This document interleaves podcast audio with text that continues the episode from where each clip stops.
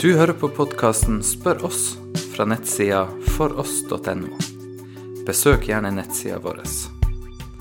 Vi oppdaterer ukentlig med artikler og andre ressurser som omhandler kristen tro. Du kan finne oss på foross.no. Hei og velkommen til en ny podkastepisode.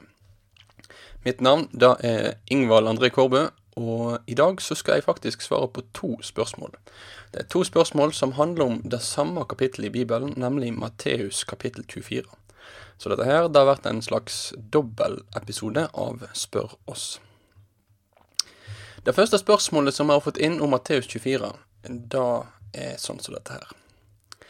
Handler Matteus kapittel 24 om noe som ligger foran oss, dvs. Si endetiden, eller om noe som ligger bak oss, og da det som skjedde med Jerusalem i år 70 etter Kristus? Dette spørsmålet her, da handler jo da til sjuende og sist om eh, hvordan vi skal forholde oss til Matteus kapittel 24 i dag.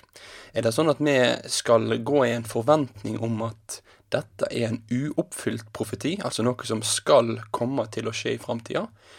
Eller er det sånn at dette her er noe som allerede har skjedd, og at den store trengselen som blir omtalt her, den er et historisk faktum?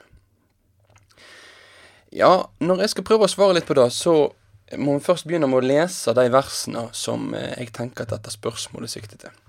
Matteusevangeliet 24 da, da starter med at læresveinene spør Jesus om hva som er tegnet på hans gjenkomst og på enden av verden. Så fortsetter han med å beskrive en del ulike generelle tegn som skulle være. Men, men så kommer han da til vers 15, og i vers 15 så står det når de da ser at det motbydelige som ødelegg, som profeten Daniel har tale om, står på heilagsdag, la den som leser opp, tyde det. Da må de som er i Judea, rømme til fjells.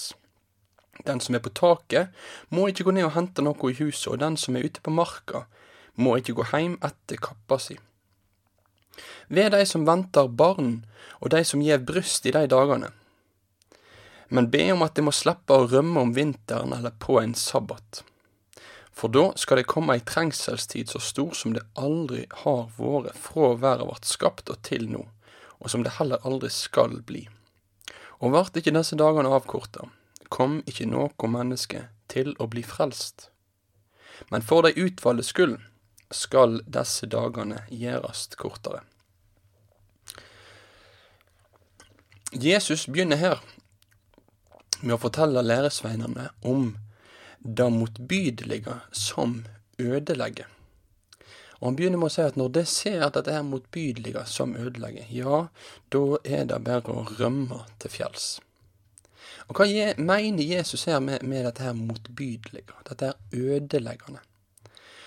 Vel, Saken er at han, han finner ikke på dette uttrykket av seg sjøl. Dette er faktisk et sitat fra Det gamle testamentet.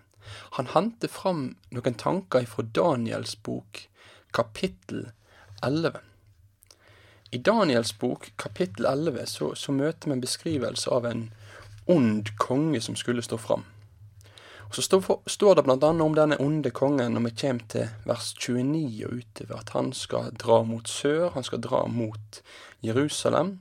Og Så står det om at noen av hans hærstyrker, de skal komme, de skal vanhelge tempelborger, og de skal ta bort det daglige offeret og sette opp det motbydelige som ødelegg. Så det er en eller annen kongeskikkelse som Daniel har profetert om at skulle komme, som skulle ta bort den rette gudsdyrkelsen i tempelet, og erstatte det med en, en avgudsdyrkelse. Dette forteller da profeten Daniel om. Og så er saken at mellom Daniel og Jesu komme til jord, så har vi ulike bøker som òg forteller oss om denne historiske perioden. Eh, vi finner annet i disse apokryfe skriftene, som vi ikke har som en del av vår bibel, men som, som mange kristne opp gjennom kirkens historie har lest en del i og studert mye. Da finner vi blant annet makaberbøkene, og makaberbøkene de, de eh, lærer oss noe om akkurat denne tidsperioden mellom testamentene. Og her står det blant annet nevnt at det var en konge som het Antiokus den fjerde Epifanes, som blir beskrevet med akkurat de samme ordene som Daniel har brukt. Det blir beskrevet at han her Antiokus han, han kom til Jerusalem, og han fikk satt opp et avgudsofferalter på brennofferalteret i tempelet. Og dette alteret her, da blir skildra som det motbydelige som ødelegger.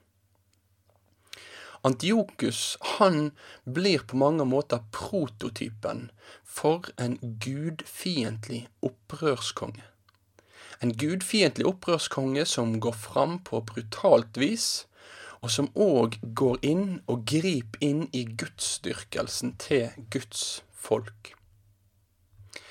Han er prototypen på en konge som står imot Gud og imot hans vilje. Så kommer vi til Jesu tid. Og når nå Jesus igjen tar fram denne Daniel-profetien, og han snakker om at det motbydelige som ødelegger en dag skal stå på heilagsdag, ja, da ser det ut til å spille både på den teksten i Daniel, men òg så må denne teksten i Makabeerbøkene på en eller annen måte klinge med. At Jesus nå sier at det skal komme en konge, det skal komme en, en skikkelse, som skal være som Antiokus var. Som skal være en ny, sånn her gudfiendtlig opprørskonge. Så Jesus han, han sikter fram mot at den profetien i Daniels bok, ja, den har ikke funnet sin endelige oppfyllelse ennå. Og da er spørsmålet hva sikter Jesus til? Når skal dette her bli oppfylt? Det som vi veit ifra historien, det er at rundt år 70 så kom eh, den romerske hæren til Jerusalem, anført av Titus. Og Titus han blei den store tempelødeleggeren.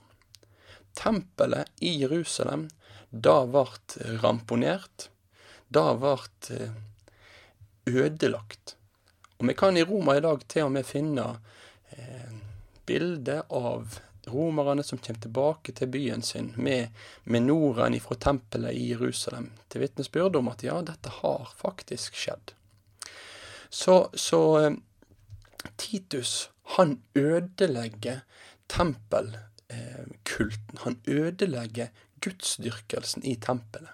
Han blir den store tempelødeleggeren og blir på mange måter en slags ny, gudfiendtlig opprørskonge. Og så er det sånn at vi veit òg fra historien da at i etterkant av eh, dette raidet i Jerusalem, og egentlig fra denne tida av og framover, ja, det er da virkelig disse sporadiske og etter hvert mer organiserte kristendomsforfølgingene bryter løs. Det var i ulike bølger, men vi finner det jo fra denne tida her og utover at det var ei stor trengselstid for kirka.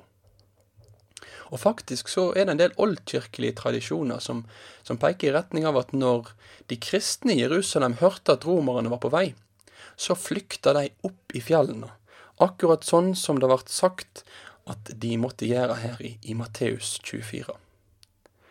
Så, så jeg, jeg, er, ganske overbevist om at ja, denne teksten her i Matteus 24, den har en, har en delvis oppfyllelse i det som skjedde rundt år 70. Med andre ord, den er siktet ikke kun fram til noe som skal skje i framtida, men den handler òg i stor grad om noe som faktisk har skjedd. Men nå sa jeg at det var en delvis oppfyllelse. For poenget er det at Antiokus Epifanes, han som var den gudfiendtlige opprørskongen, han blir òg på mange måter prototypen på en skikkelse som skal komme til å stå fram helt opp mot verdens ende. Vi møter beskrivelser i andre Tessalonika-brev av en som blir kalt for den lovløse. Åpenbaringen forteller oss om, om dyret fra havet. Men vanlig, vanligst så er det nok at vi omtaler denne skikkelsen som antikrist.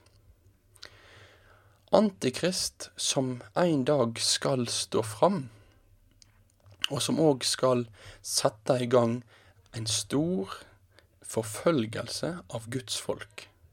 Og Det står annet om denne lovløse da i, i andre Tessalonikerbrev, at han er en som skal gjøre seg sjøl til Gud, som skal sette seg i tempelet og rett og slett ta Guds plass.